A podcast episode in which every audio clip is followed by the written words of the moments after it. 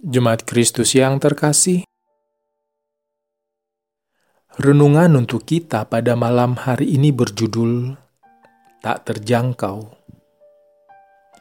dan bacaan kita diambil dari Mazmur 116 ayat 1 sampai 4, dilanjutkan ayat yang ke-7 sampai 8. Beginilah firman Tuhan.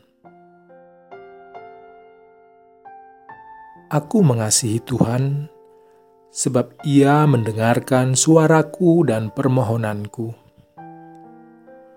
Sebab Ia menyendengkan telinganya kepadaku, maka seumur hidupku aku akan berseru kepadanya. Tali-tali maut telah meliliti aku, dan kegentaran terhadap dunia orang mati menimpa aku aku mengalami kesesakan dan kedukaan. Tetapi aku menyerukan nama Tuhan.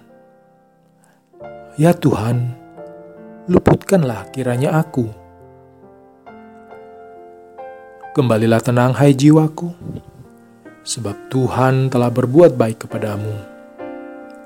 Ya, Engkau telah meluputkan aku daripada maut, dan mataku daripada air mata, dan kakiku daripada tersandung. Pertolongan paling besar seperti apa yang pernah kita dapatkan? Apakah sembuh dari sakit? Mendapatkan pemulihan ekonomi? Atau mendapatkan penyertaan dalam segala pergumulan? Ada banyak hal yang pernah menjadi pengalaman terindah kita bersama dengan Allah saat kita diluputkan dari segala mara bahaya, dan itu selalu memunculkan ucapan syukur kepada kita. Pertanyaannya, sejauh mana dan selama apa ucapan syukur itu selalu ada dalam diri kita? Apakah hanya saat kita diluputkan dari bahaya, lalu selanjutnya lupa akan apa yang dikerjakan Allah? Itulah yang kadang menjadi kelemahan kita. Seringnya, kita hanya fokus pada pergumulan yang sedang kita hadapi dan melupakan apa yang sudah dikerjakan Allah pada masa lalu. Akibatnya, kita tidak lagi dapat merasakan penyertaan dan pertolongan Allah yang terus hadir dalam hidup kita. Marilah kita mulai merenungkan dan menyadari bahwa kasih setia Tuhan ada sepanjang hidup kita. Bahwa kita didengar saat meminta tolong, seperti yang dilakukan oleh pemazmur dalam bacaan kita saat ini. Namun, kita perlu bijak saat ada dalam pergumulan.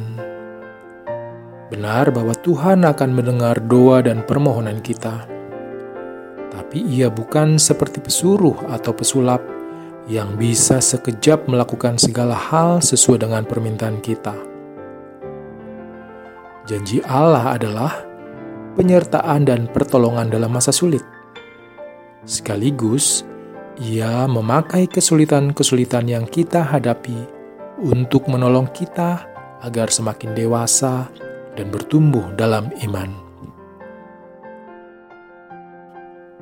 Kesulitan yang kita alami bukan sesuatu yang sia-sia, karena melalui itu semua kita dapat merasakan pertolongan Allah yang tak terjangkau pikiran kita. Allah telah meluputkan kita dari maut dosa. Oleh karena itu, mari kita hidup dalam terang Allah dan melakukan segala sesuatu berdasarkan kehendaknya. Demikianlah renungan untuk malam ini. Semoga damai sejahtera dari Tuhan kita Yesus Kristus tetap memenuhi hati dan pikiran kita. Amin. Jemaat yang terkasih, marilah kita bersatu hati menaikkan pokok-pokok doa yang ada dalam gerakan doa 21 GKI Sarua Indah. Mari berdoa.